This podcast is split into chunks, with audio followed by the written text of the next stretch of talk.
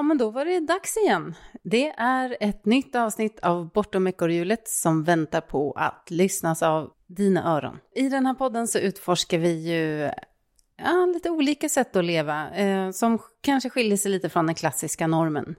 Och idag har vi kommit till eh, ett avsnitt som ska handla om digitalt nomadliv. Och det är någonting som har möjliggjorts av eh, ja, det som brukar kallas kanske den digitala revolutionen. När man faktiskt kan jobba var som helst ifrån och eh, när som helst ungefär. Och eh, dagens gäst eh, har ju just precis det. Välkommen hit, Emmy von Platen. Hallå, hallå, kul att vara här. Men vi kan väl ta och börja som eh, sig bör med en presentation av eh, dig, Emmy. Den svåra, stora frågan, eh, vem är du? Mm, nej, men mitt namn är Emmy som sagt. Eh, jag är 37 år gammal och eh, bor vanligtvis i Göteborg. Eh, älskar att resa, älskar att hitta på outdoor-grejer och äventyr, åka skidor, kitesurfa, vandra, cykla downhill, allt sånt där. Ehm, och jag älskar frihet, jag tycker det är jättehärligt och där, därför har jag också skaffat mig ett jobb som gör att jag kan jobba på distans över nätet. Emmy, Känner du dig som en digital nomad? Är det vad du kallar dig själv? Alltså jag vet inte riktigt. jag tycker det är ett svårt ord. Det känns som man borde resa runt hela tiden och vara på nya platser tre gånger i veckan och sådär. Eh, riktigt så, så lever jag ju inte. Jag har ju ett, ett hus i Göteborg också, sen reser jag ju stundtals. Eh, men eh, ja, nej, det, jag tror andra skulle nog säga det snarare än att jag skulle säga det själv. Mm. Eh, kan inte du berätta, bara för att vi ska få liksom en överblick på det här digitala nomadandet, så här, det sen, de senaste tre åren kan vi säga. Hur... Eh, för att jag kan tänka mig utifrån liksom en vanlig person, då har man liksom, man har bott på, i sin lägenhet eller i sitt hus. Men, men vad, vad har du varit någonstans? Hur har du levt och bott? Alltså vi har ju rest ganska mycket. Eh, min sambo har ju ett, eller min man här nu för tiden, har ett vanligt jobb. Ehm, så vi har ju rest mycket på, på helger och på semestrar och på sådär. Eh, och då har jag ju haft möjligheten, han har haft lång semester och jag har haft möjligheten att jobba från Vänern. Eh, vi också, han har pluggat i Brasilien så vi har också varit i Brasilien i tre månader. Och då har jag jobbat därifrån också. Så att eh, ja, nej det är nog, det är nog mycket sånt. Hur, hur skulle ni definiera en digital nomad? Så här, vad är det för checklista man ska liksom leva upp till? Eller vilka kriterier ska man leva upp till för att kalla sig för digital nomad egentligen? Det är något ganska flytande ord, men jag skulle väl säga att en digital nomad är någon som, som reser och jobbar från olika platser i världen eh, med hjälp av antingen digitala liksom, hjälpmedel eller med, att man kan jobba online över nätet på ett eller annat sätt. Och därigenom så skapar man sig en frihet att vara, vara där man vill vara och göra det man vill göra. Det låter som att du uppfyller de här Ja, det gör nog liksom det när man tittar. Men det är väl alltid så när man tittar på sig själv och ska sätta en, sätta liksom en stämpel. Det, det är alltid svårare. Mm. Har, du, um, har du alltid um, vetat att du vill leva så här? Eller liksom hur, hur länge ungefär har du haft möjligheten att, att leva och jobba på det här sättet? Alltså det är väl egentligen de senaste tre åren kan man väl säga som jag har haft det här jobbet som ger mig frihet liksom i att, att jobba var jag vill och när jag vill egentligen. Eh, sen har väl längtan funnits där tidigare, eh, tror jag. Och jag har ju haft möjlighet att liksom resa mycket och sådär också. Eh, 2015 så var vi tjänstlediga ett och ett halvt år. Eh, och då reste vi också runt och gjorde massa, eh, massa grejer, både utomlands och läste spanska och åkte med husbil på Nya Zeeland och sådär. Så ja, nej, men de senaste tre åren som jag verkligen har tagit tag i det i och med det jobbet som jag har nu. Ja, för berätta, vad är, mm. vad är det du gör och vad är det som, som ger dig möjligheterna att eh, leva så digitalt och så fritt? Ja, men jag jobbar ju som marknads och digitalchef på Lapointe Surfcamps. Um, och vi har inget huvudkontor utan alla jobbar digitalt från olika platser i världen. Um, så Eh, ja, jag ansvarar för allt som har med marknadsföring och det digitala att göra. Eh, och jag samarbetar med mina kollegor eh, online så att eh, i vanliga fall när vi jobbar så, så vi har möjligheten att jobba när vi vill och var vi vill och i och med att vi jobbar i olika tidszoner så, så är det också lite så att man ibland jobbar man lite på kvällen och ibland jobbar man lite på dagen och sen så är surfen bra någonstans så kanske man kan flytta det mötet man hade tänkt och, och så vidare och så vidare. Eh, så och sen vanligtvis så jobbar jag väl mer eller mindre kontorstider, det gör vi nog allihopa. Eh, men man har friheten att, att ändra på det om man har lust. Mm. Ja, man följer lätt in i de där kontorstiderna i alla fall. Ja, ja men det är ju ganska naturligt. ja, men resten av världen jobbar mm. så och min, min man jobbar så också. Så att då passar jag på att jobba när mm. han jobbar. Mm. Jag blir så nyfiken bara på just när, när alla är så där utspridda. Eh, är det, tycker du att det är svårt liksom med samarbetet då? Eller hur, eh, alltså, ställer det högre krav på dig i, i din roll? Eller hur eh, tycker du att det funkar? Alltså jag skulle säga, det ställer ju högre krav på en chefsroll. Eh, har man personal så är det ändå viktigt att se till att folk inte jobbar för mycket eller folk gör det de ska och så vidare. och så vidare. Sen så, jag tror i ett företag som LaPoint där företaget är byggt på det här sättet. Det har aldrig funnits liksom, huvudkontor där alla sitter och jobbar utan alla är anställda utifrån att fungera för att jobba på det här sättet och tycka om det och tycka om livsstilen. Och får man den friheten som, som man får eh, när man jobbar här så ja, då, då tar man liksom också ett stort ansvar om man är tillgänglig och man ser till att min frihet inte blir någon annans fängelse utifrån att jag är tillgänglig på en kväll om någon behöver mig liksom, eller sådär.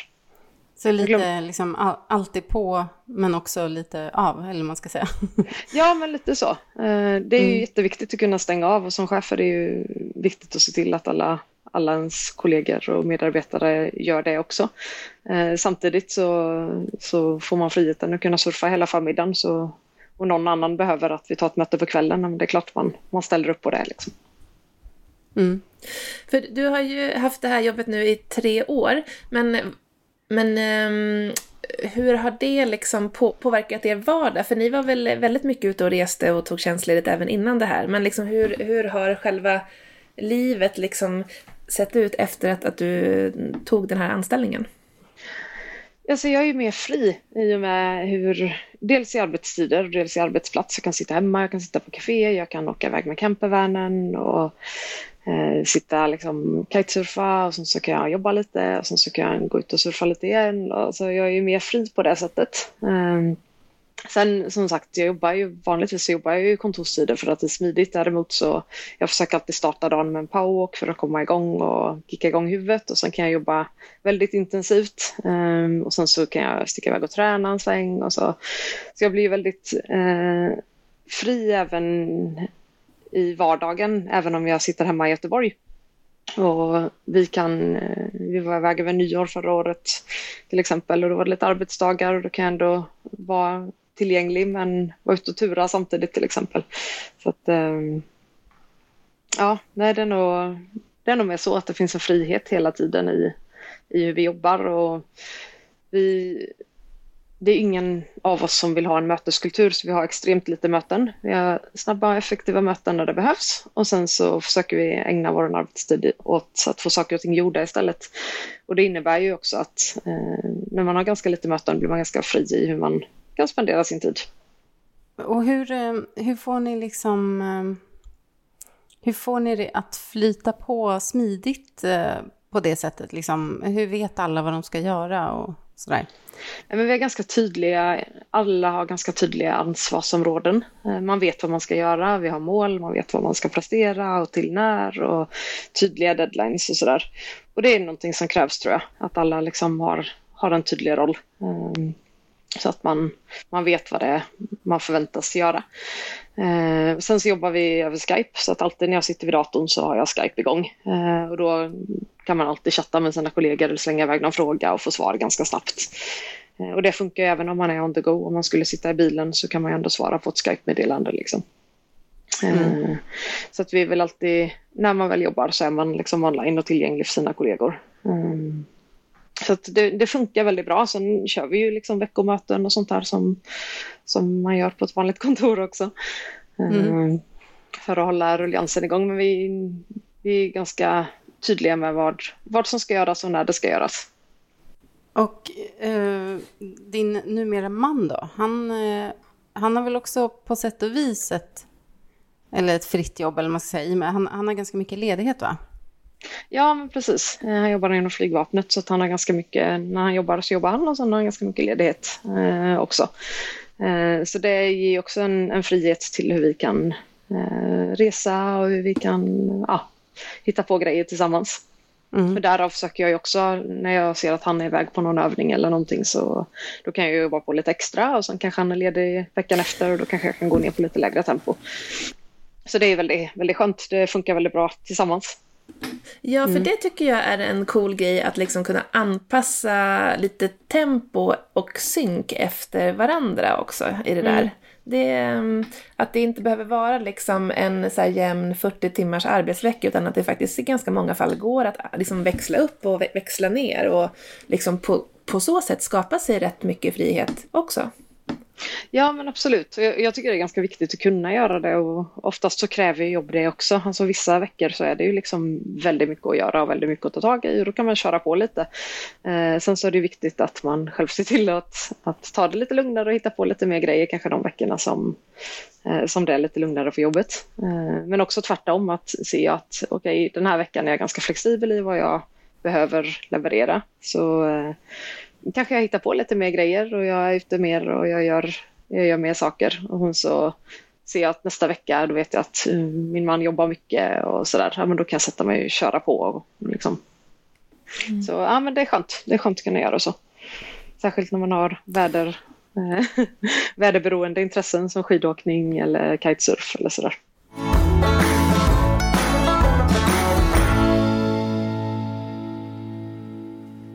Ni är ju ganska kända i Sverige inom vanlife-communityt. Så att um, mycket av ert resande är ju utifrån er van.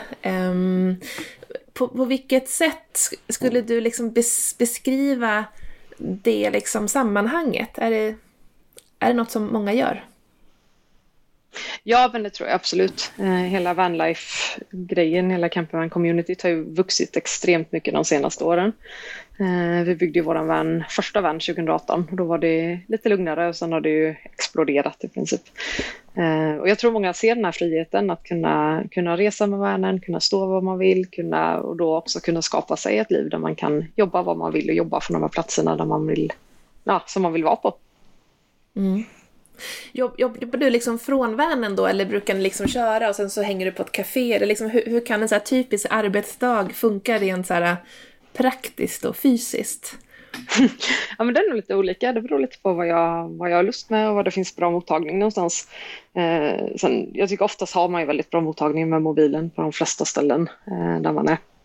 Och det beror på om vi är iväg båda två eller om vi är iväg var för sig. Liksom. Om jag är iväg med vanen själv så tycker jag det är superskönt att, att sätta mig i vanen och jobba. Eh, det blir så här, full fokus på jobbet när jag sitter i värnen och sen kan bara öppna dörren och stå på någon fantastisk plats och sticka ut och springa en timme eller sådär och sen tillbaka och jobba. Eh, är vi båda två så blir det lite mer störelsemoment eh, i värnen och då kan det ju vara skönt att, att, gå iväg och sätta sig på något café eller sätta sig utomhus eller vara på någon, någon annan plats. Så att det beror nog lite på var vi är någonstans eh, och om vi är båda två och ja, lite sådana grejer också. Jag vet ju med att eh, vi ehm, tillbringade ju två veckor, tror jag det var, eh, tillsammans i Tarifa för två, tre år sedan. Mm. Um, och det slår mig ganska ofta att det är enkelt att leva ett fritt så här, digital nomadliv ihop med, med någon annan som är i så här, liknande sits. Man kanske är ute och hänger, man kanske går hem och tar ett möte för att man måste. Det är liksom lätt att så här, mixa ja, men fritid med arbetstid för att alla fattar grejen. Men ibland kan det vara ganska svårt att umgås med, med, med någon som har ett mer, vad ska man säga, typ uppstyrt liv. För då är det så här, nej men ska du jobba nu? Det är ju, det är ju lördag idag liksom. Um, hur, hur ser er liksom umgängeskrets ut? Är det liksom likasinnade eller umgås ni med vanligt folk också? Eller, eller så? vanligt folk. Uh, nej men det är nog ganska blandat. Uh, det är nog ganska blandat skulle jag säga. Uh, men de flesta, även om folk har ett kanske lite mer vanligt jobb än vad jag har, så, så finns, tycker jag alltid att det finns en förståelse i att, att jag jobbar på ett annat sätt. Så jag, jag tycker aldrig det är något problem. Men sen det är klart om man är i ett gäng med vanligt folk mm. som är lediga eh, så behöver man ju själv liksom se till att ta sitt ansvar och, och sätta sig och jobba om man behöver jobba. Och säga det att men nu behöver jag gå undan en stund eller sådär för att annars blir det lätt att, att man blir störd också. Så då mm. kanske det, det passar bättre att gå och sätta sig på ett café eller gå, gå och få lite lugn och ro någon annanstans. Kan du få, liksom, eh, få mycket frågor kring det? Alltså har det känts som en utmaning någon gång? Just när det krockar lite, det fria livet och det mer uppstyrda livet, eller vad man ska säga. Jo, men det är väl alltid en utmaning alltså, när man sitter, Eh, när man är iväg och gör grejer och an, alla andra är lediga. Liksom. Det krävs ju ändå att man, ja, men nu, man lägger upp sin dag på ett annat sätt. Men jag kanske går upp lite tidigare och gör undan lite jobb eller jag eh, behöver jobba under de här timmarna och då går man undan eller lite så. Eh, så jo, det, det, kräver ju, så när man har en frihet så kräver det också ett större ansvarstagande av en själv, att man faktiskt ser till att leverera på det, det jobbet man har att göra. Eh, annars fun funkar det inte liksom. Dum fråga kanske, men, men har du semester också? ja, ja. jo men det har jag. Eh, det har jag absolut. Jag är ju anställd på heltid, så jag har ju vanlig, vanlig semester som vanliga ja, anställda precis. människor har. Men det är ett svenskt bolag, liksom, eller Alltså, ja, jag är anställd i Sverige villkor. Eh, som mm. en svensk arbetsgivare. Eh, absolut. Mm. Så jag har semester också. Eh, sen blir det ju, ibland är det ju skönt att veta att man kan släppa helt. Och det är ju framförallt om man ska ut i Alperna och åka skidor och jag ska ut och åka off-pist hela dagen. Då är det så här, då kan jag inte ta med mig datorn, jag kan inte sätta mig någonstans, det finns ingen mottagning. Eh, så då behöver jag ju vara helt ledig liksom. och att mina kollegor vet att jag är helt ledig också.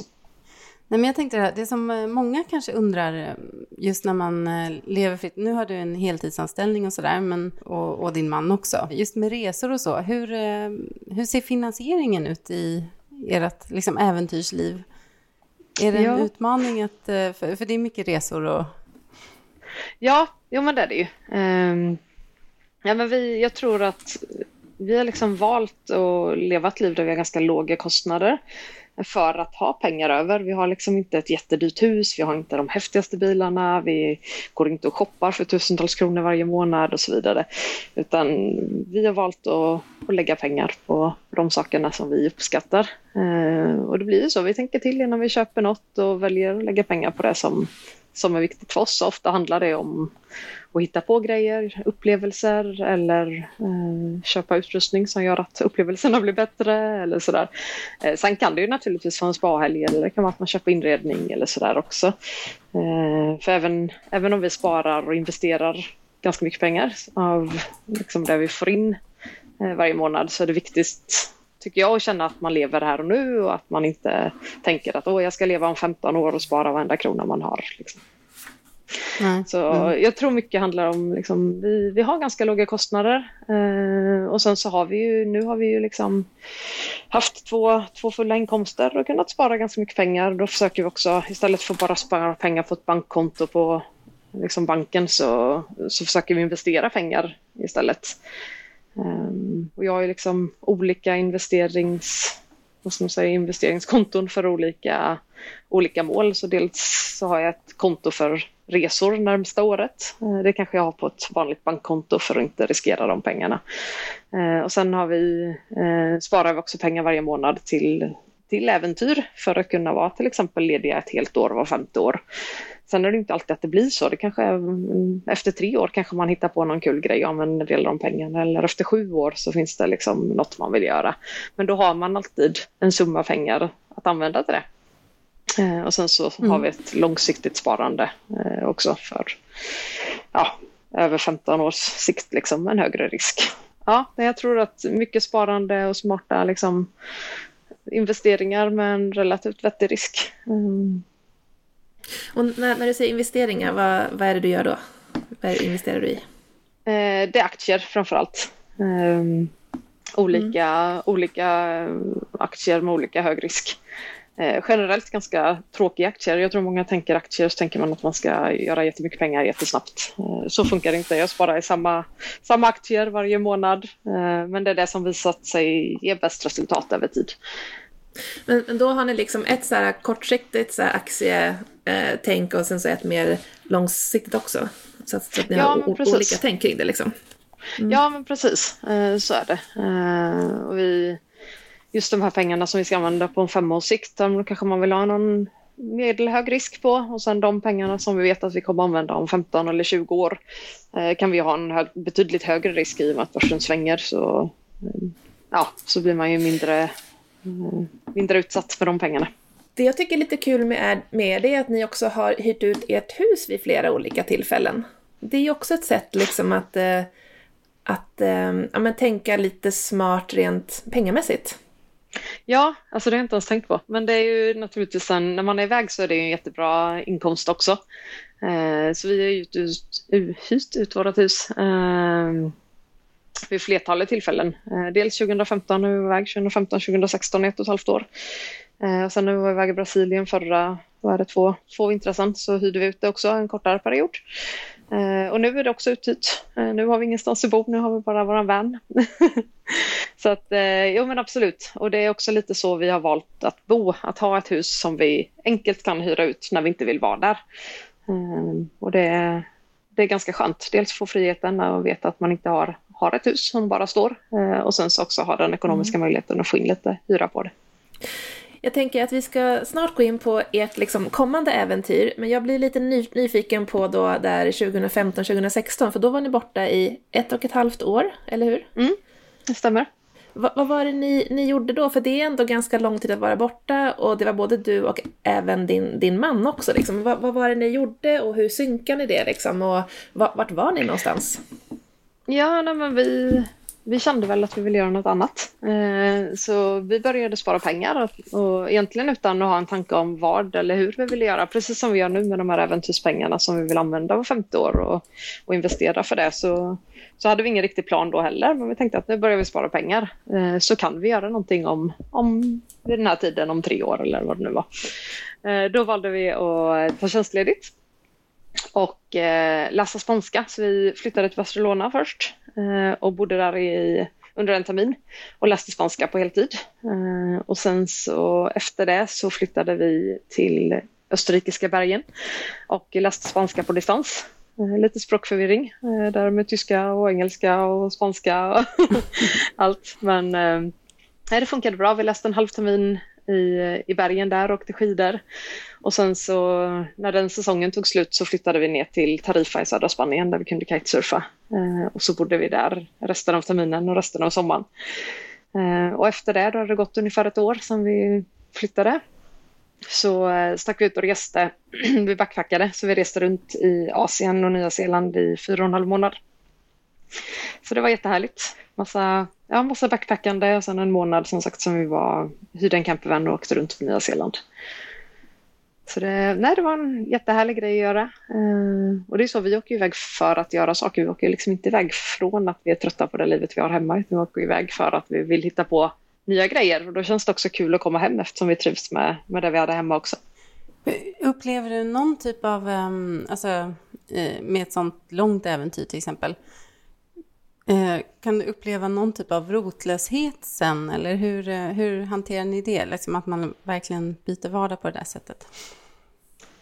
Nej, jag tror alltså vi har ju ändå en... Dels har vi en ganska bra bas i varandra på något sätt som alltid är med oavsett var vi är någonstans.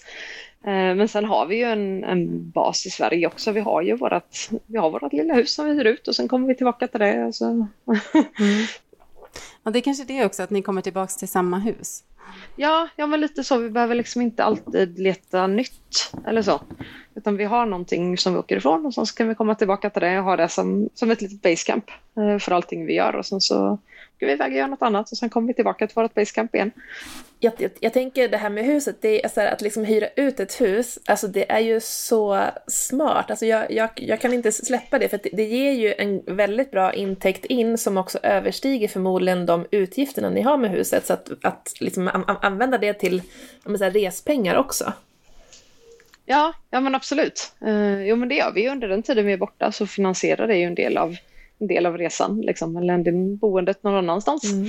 Så nej, ja, det, det, är väldigt bra. För det där tänker jag också på att, att, att, att vara borta liksom i, i, ett år drygt och göra alla de här roliga sakerna, liksom det, alltså kostar det mycket mer än ert vanliga liv hemma? Jag tänker att det, att det blir liksom en, en liten topp i utgifterna.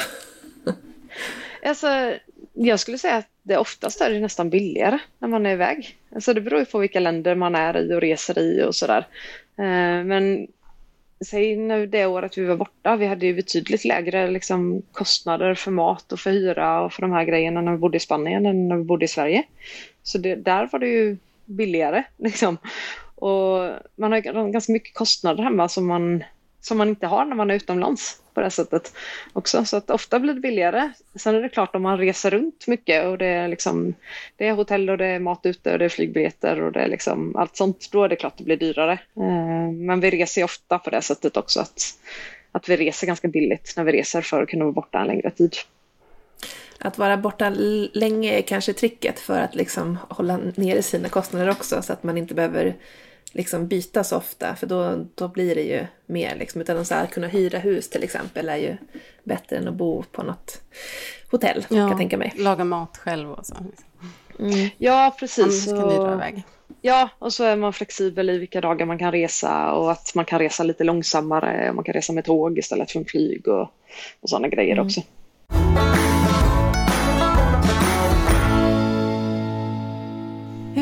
Påverkar det här livet, liksom det sociala livet hemma på basen så att säga?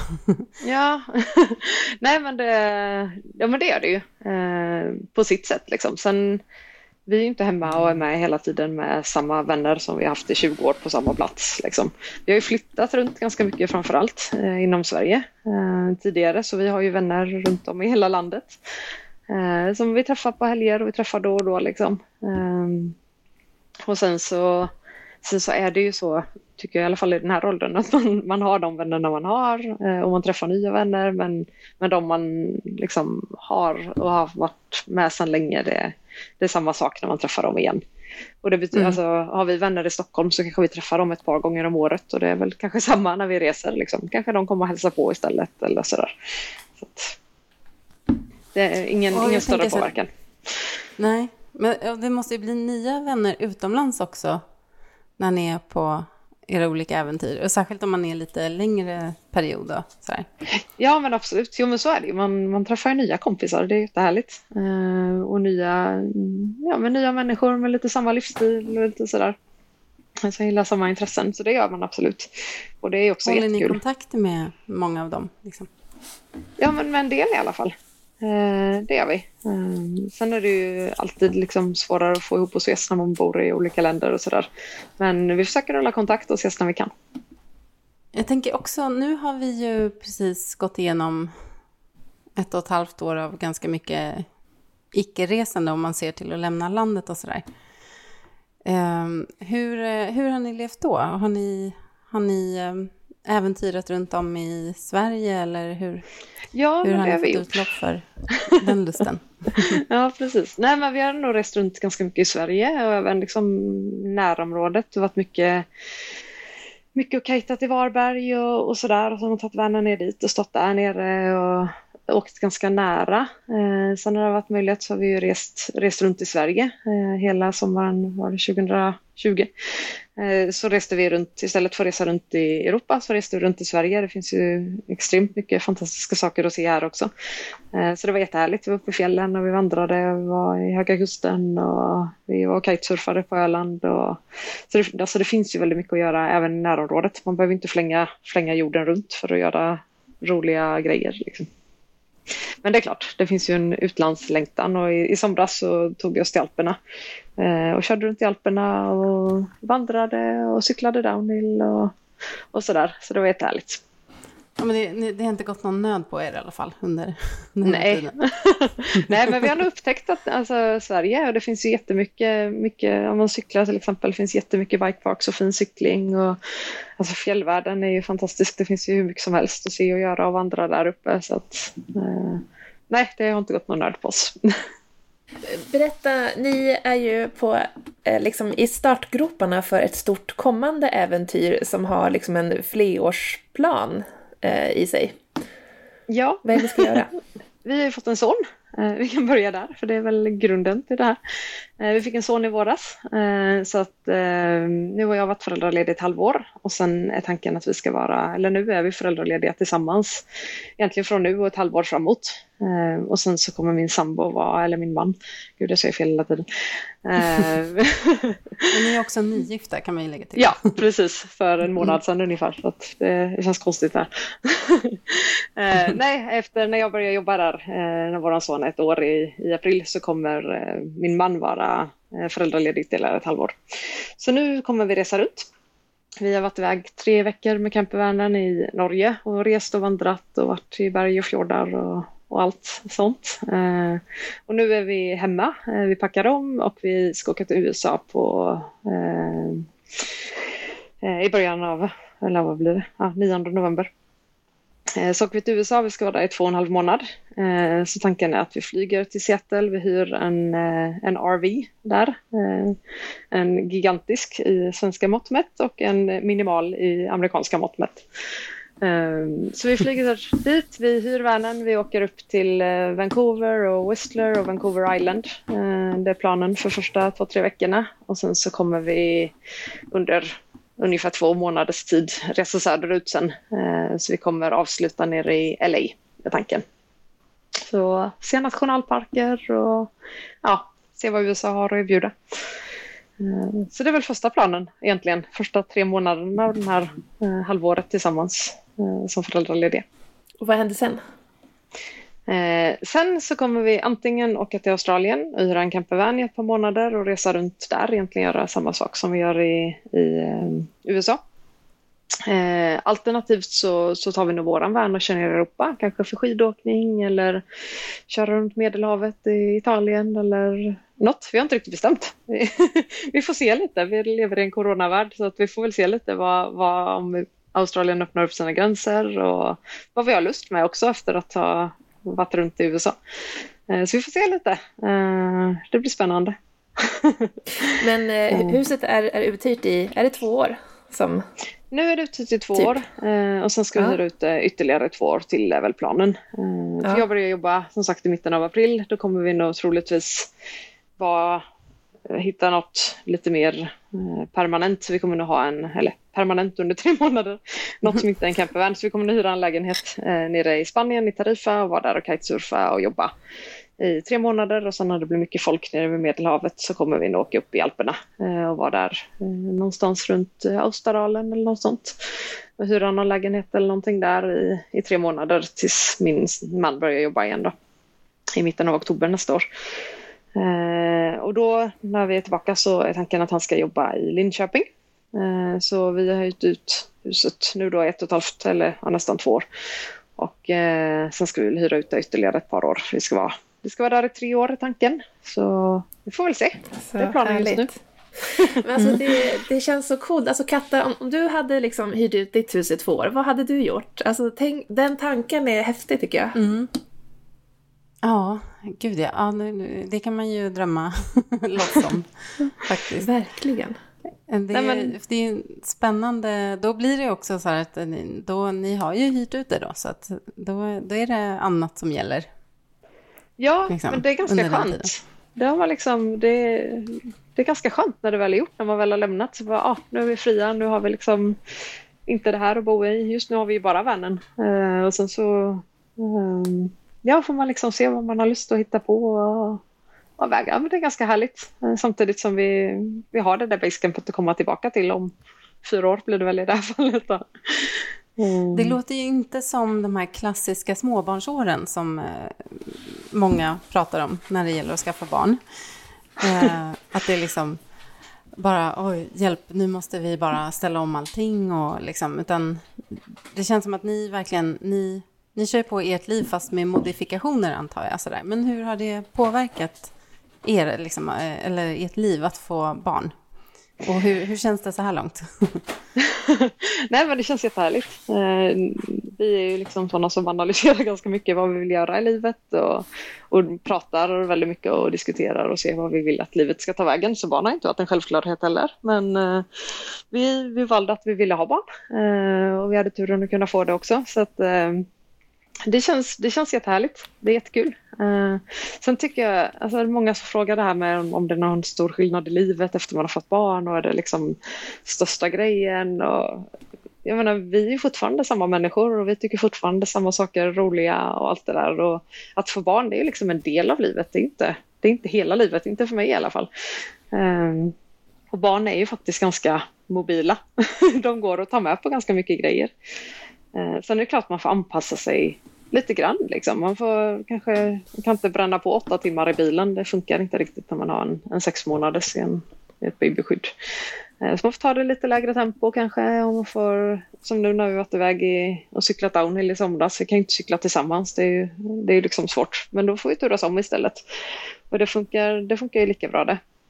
Så mm. att, eh, ja, nej, men det känns, det känns kul. Det känns som vi kör på. Vi gör det på vårt sätt. Och så länge liksom vi gör det med hans behov. Vi liksom Eh, de är viktigast. Eh, vi får liksom anpassa oss kring hans behov och så länge han är nöjd och glad och har sin trygghet och får sina vaccineringar och allt sånt funkar så, så går det att, att göra ganska mycket det man vill göra själv också. Vi ser fram mm. emot att visa honom världen på vårt sätt. Liksom. Ja, vad härligt. Det låter verkligen som att ni har liksom en, en tydlig filosofi för, för det livet också, eller man ska säga. Men vi gör, ju, vi gör ju allting vi vill göra. Sen får man bara göra det på ett lite annat sätt. Jag menar, det är ju samma sak om man skaffar sig en, en sambo från att vara singel. Det är klart, då får man ju anpassa sig lite för det. Och skaffar man en hund, men då får man ju anpassa vardagen utifrån det också. Så att, det är ju anpassningar i allt man väljer att, att göra i livet och vilka, vilka man väljer att ha runt sig också. Men eh, jag tycker det går jättebra. vi får ju många så här lyssnarfrågor kring, ja men när vi intervjuar folk som lever ett fritt liv och sådär, så är det en del som efterfrågar sådär, men hur ska man göra om man har barn då och de måste gå i skolan eller det är en bit fram fortfarande, men då blir det ju skolplikt och sådär för er del. Mm. Hur, hur tänker ni kring det? Sådär, att när man blir lite mer låst till en plats liksom. Ja, alltså men den är ju svår att komma ifrån. Barn ska ju gå i skolan. mm. Eh, och skol, alltså skolplikten i, i, sig är ju en väldigt bra grej. Det är ju bra för, för barn att vara i skolan och det är klart man ska ta, möjlighet, eller ta vara på den möjligheten vi har med skolgång i Sverige. Det är ju liksom superbra. Sen ibland hade väl, man väl önskat att den hade varit lite mer flexibel och det kanske den blir framöver också, det vet jag inte. Eh, sen tror jag ju personligen att det finns väldigt mycket ett barn kan lära sig på att resa runt i världen och, och sådär också som man inte kan lära sig i skolan. Så det finns väl liksom båda, båda sidor där. Sen tror jag att vill man verkligen hitta på grejer så finns det ju lösningar. Jag menar, det finns ju skolor i andra länder, det finns Svenska skolan utomlands och så vidare. och så vidare. Så att vill, man, vill man så går det nog. Eh, men sen så tänker jag också att spontant liksom, äventyr behöver ju inte vara det behöver inte alltid vara det här att man ska flänga jorden runt och man ska hitta på massa grejer. Man kan göra vardagsäventyr och man kan göra jättemycket grejer i Sverige och, och sådär. Så att jag tänker att det löser sig. Um, sen själva just nomadlivet och, och resa runt med ett barn i skolåldern. Alltså, den är ju svår och dels är det för skolplikten men det är också för att barnet själv har ett socialt liv och det, mm. det, det, får man ju också respektera. Liksom, att man vill inte dra upp sitt barn från, från alla kompisar och allt sånt hela tiden heller utan då kanske man gör lite längre äventyr om man gör det eller, eller sådär. Vi får se. Mm. vi får se när vi mm, kommer dit. Spännande.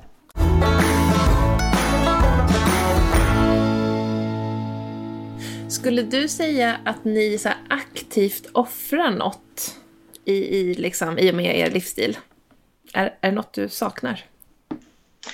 Nej, alltså inte egentligen. Um, det, det som vi pratade om är väl liksom möjligtvis det sociala som, som man har om man har bott på en plats en längre tid. Då kanske man har ett, ett gäng med kompisar. Liksom. Eh, vi har ju inte det på det sättet. Eh, våra vänner är ju oftast långt bort så vill vi hitta på saker med våra vänner så är det så här, Åh, vi åker till Skåne eller vi åker till Stockholm eller vi åker upp till er i Åre eller vi liksom eh, det blir ju lite mer projekt. Sen är det klart vi har, vi har vänner i Göteborg där vi bor också men inte det där stora gänget av kompisar. Så det är väl det enda möjligtvis när man, man flyttar runt mycket och gör sådana saker. Men jag tycker att vad ska man säga, uppsidorna överväger ju nedsidorna i det här fallet. Vi träffar ju jättemycket nya kompisar och eh, samtidigt som vi har kvar de gamla också. Fin, finns det något som är um, så utmanande i vardagen då? I, I ert liv? Så jag, jag, jag, jag tänker nu, så här, nu har ni ändå spenderat, eller tillbringat tre, tre veckor i Värnen och det gjorde ni ju runt nyår förra året. Då var ni också ute några veckor och i somras var ni ute flera veckor. Fin, finns det något så här som, som är lite jobbigt? som, som finns? Eh, jo men det är klart, alltså, lever man tillsammans och man är tillsammans hela tiden eh, så, så går man ju på varandra också. Och särskilt när man lever i en van som är kanske, jag vet inte, 6 eller 8 kvadratmeter stor. Liksom. Eh, så man får ju hitta sätt för att liksom, man får sin egen tid och hitta på grejer själv och man behöver tänka lite mer aktivt på liksom, att att ja, men nu sticker jag ut och gör det här själv eller vi ses om ett par timmar. För att är man i världen så är man i världen. Den är inte, man kan inte gå undan till ett annat rum på det sättet. Eh, så det är väl sånt och sen är det ju Alltså det är klart det, det, är utmanande när man hela tiden har projekt och man ska hela tiden göra saker. Det ska packas och det ska planeras och någon ska ta tag i det och någon ska ta tag i det andra. Så att det är mycket lättare att ha rutiner och exakt samma vardag hela tiden i sitt hus i 20 år. Eh, det är klart det är betydligt enklare men eh, Nej, det är mycket små praktiska grejer liksom som man får, man får aktivt hitta sätt för att det ska funka. Mm. Men sen är det väl så allt, allt som är roligt är lite jobbigt också. I lite kanske det som gör det värt det. Sätt. Ja, ja men lite så. Det förhöjer upplevelsen. Precis. När allt bara flyter på lätt så blir det ju lätt tristess istället. Ja, Ja, ja men lite så. Nej, men det är ju alltså, det är mycket, mm. mycket problemlösning, liksom. särskilt om man bor i Värnen eller om man reser. Så här, oh shit, det här hände, nu måste vi lösa det. Eller så mm. Jag tänker också att man behöver vara väldigt ordentlig uh, för det livet. Alltså, det, I och med att man har så liten yta och det är saker på sin plats och sådär. Alltså det underlättar ju.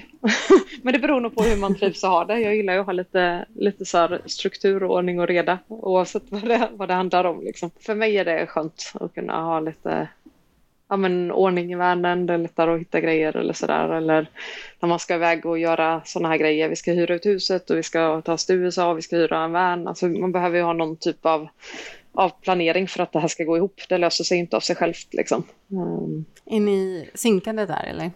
Jag gör nog mycket Jag tänker av... man kan bli galen om, om man då lever vanlife med någon som inte är så. ja, nej men vi är ganska lika. Alltså på det sättet är vi ganska lika. Eh, och sen är vi, har vi våra olika styrkor inom detta så det blir ganska naturligt vem som, vem som hugger tag i vilka saker. Liksom. Mm jag, känner, jag har en så här väldigt praktisk fråga, den kanske är väldigt konstig, men ni ställs ju inför väldigt mycket beslut varje dag. För jag tänker så här, när man bor i sitt hus och man har bott i flera år, då, man har ju så här, man går upp, man dricker kaffe, man har sin, sin rutin på vardagen. Men ni är ju så här, ja, vart ska vi åka idag? Ska vi stå här? Ska vi stå där? Alltså alla de här valen som, som, som man ställs inför, hur känns det? Ja. Alltså dels är det kul och ibland är det skitjobbigt. ibland vill man bara vara, vara någonstans och få saker serverat. Liksom. Ja. Eh, det är likadant som, som när vi backpackade och man ska välja restaurang tre gånger om dagen i fyra och en halv månad. Då blir man också ganska trött på att välja restaurang. Eh, det är lite samma sak om man reser mycket i Vänern så blir det samma sak om vad ska vi åka, vad ska vi stå, vad ska vi handla, vad ska vi fylla på vatten, vad ska vi liksom, det är väldigt mycket sånt hela tiden. Sen kommer man nog in i man kommer in i det lite och tar alla de här besluten lite på en höft, liksom, eller vad man ska säga, eh, lite on the go. Eh, men ibland är det också skönt att, att bara, äh, men nu, nu står vi här ett tag. Eh, nu stannar vi här tre nätter och så bara hänger man där och hittar på grejer utifrån var man är någonstans, sticker ut och springer på fjället eller något sånt där. För att få lite break från att ta massa beslut hela tiden. Det har jag känt när, när jag har varit ute och rest sådär längre period. Så, så, man blir ganska snabb på att göra sig en vardag. Alltså för att hitta den där basen på något sätt på en ny plats ändå? Ja, ja men jag tror man, man kommer liksom in i att ta alla de här besluten lite, lite längs vägen. Liksom, eller lite, det, blir, det blir inte jättestora grejer heller. Mm. Nej, och så kan det liksom räcka med en vecka på en plats så tycker man att ja, men här, det här kan jag nu. Eller det här är liksom nu är det här min vardag. ja, och i och med att vi har vanen eh, så är det också liksom, vi har ju vårat, liksom, man behöver inte hela tiden flytta och packa och liksom grejer. Vi, vi kan laga mat och vi kan spara matlådor i kylen och vi liksom, eh, sängen är bäddad. Mm. Och, eh, så på det sättet är det ju smidigt även om man har mycket beslut externt utanför vanen var man ska åka och var man ska ta vägen. Så i vanen så är det ju ändå lugn och ro liksom. Jag är nyfiken, vad känner du liksom framför allt att det ger dig? Vad är det som gör dig pirrig när det gäller den här typen av liv och äventyr? Men jag tror jag har liksom alltid älskat att resa. Jag tycker det är fantastiskt. Jag har rest jättemycket när jag var liten och alltid tyckt det varit jättekul. Liksom. Ehm, så jag tror att det är kombinationen med friheten. Jag, älskar att jobba. Jag tycker det är superkul. Ehm, jag tycker det är jättesvårt att sitta och jobba liksom, åtta timmar i sträck om jag är helt omotiverad på ett kontor med liksom, jag vet inte, tråkiga grejer att göra just den dagen. Då kanske det är bättre att man, ja, man får ett litet break och man kan göra någonting som fyller på med energi till exempel.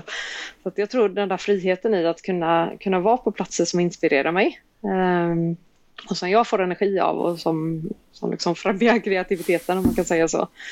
Um, I kombination med att ha friheten att liksom, ja men idag vill jag sticka ut och kitesurfa, det är jättefin vind på förmiddagen, jag sätter mig, jag har inga möten.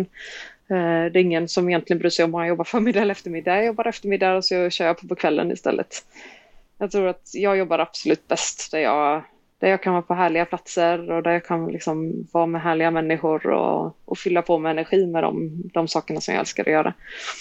Tycker det låter ja. som en utmärkt eh, livsdesign. Jag älskar den. ja, Nej, men det är härligt. Jag trivs. Ja, jag förstår det. Eh, jag tror att det är väldigt många som är nyfikna på er van och då ska man ju gå in på explorista.se. Ja, ja men precis. Eh, där finns massa bilder på vanen och den gamla vanen. Och där finns ju också en, en jättestor guide till hur man bygger sin egen campervan i ett gäng olika blogginlägg. Så där kan man läsa på i detalj om man vill bygga en egen. Ja, med allt om isolering och eh, eldragning och allt vad det är. Där finns, där kan ja. man eh, få, få, koll på allting. Mm. Yes, det är bara att bygga på. Precis, för ni har ju provat eh, runt kan man ju säga. Så att man, där, där kan man liksom ta snabbvägen till de bästa lösningarna. Ja, ja, eller hur. Bästa prylarna, bästa lösningarna.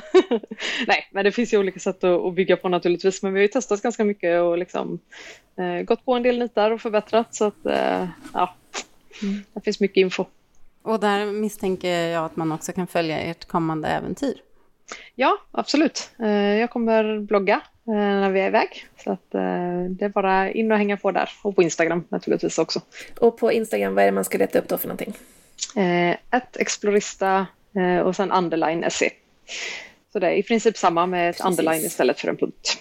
Jag tycker det ska bli sjukt spännande att följa med på ja, den här fyraårsresan. Ja. Det, det är en långkörare. Ja, det tycker jag också.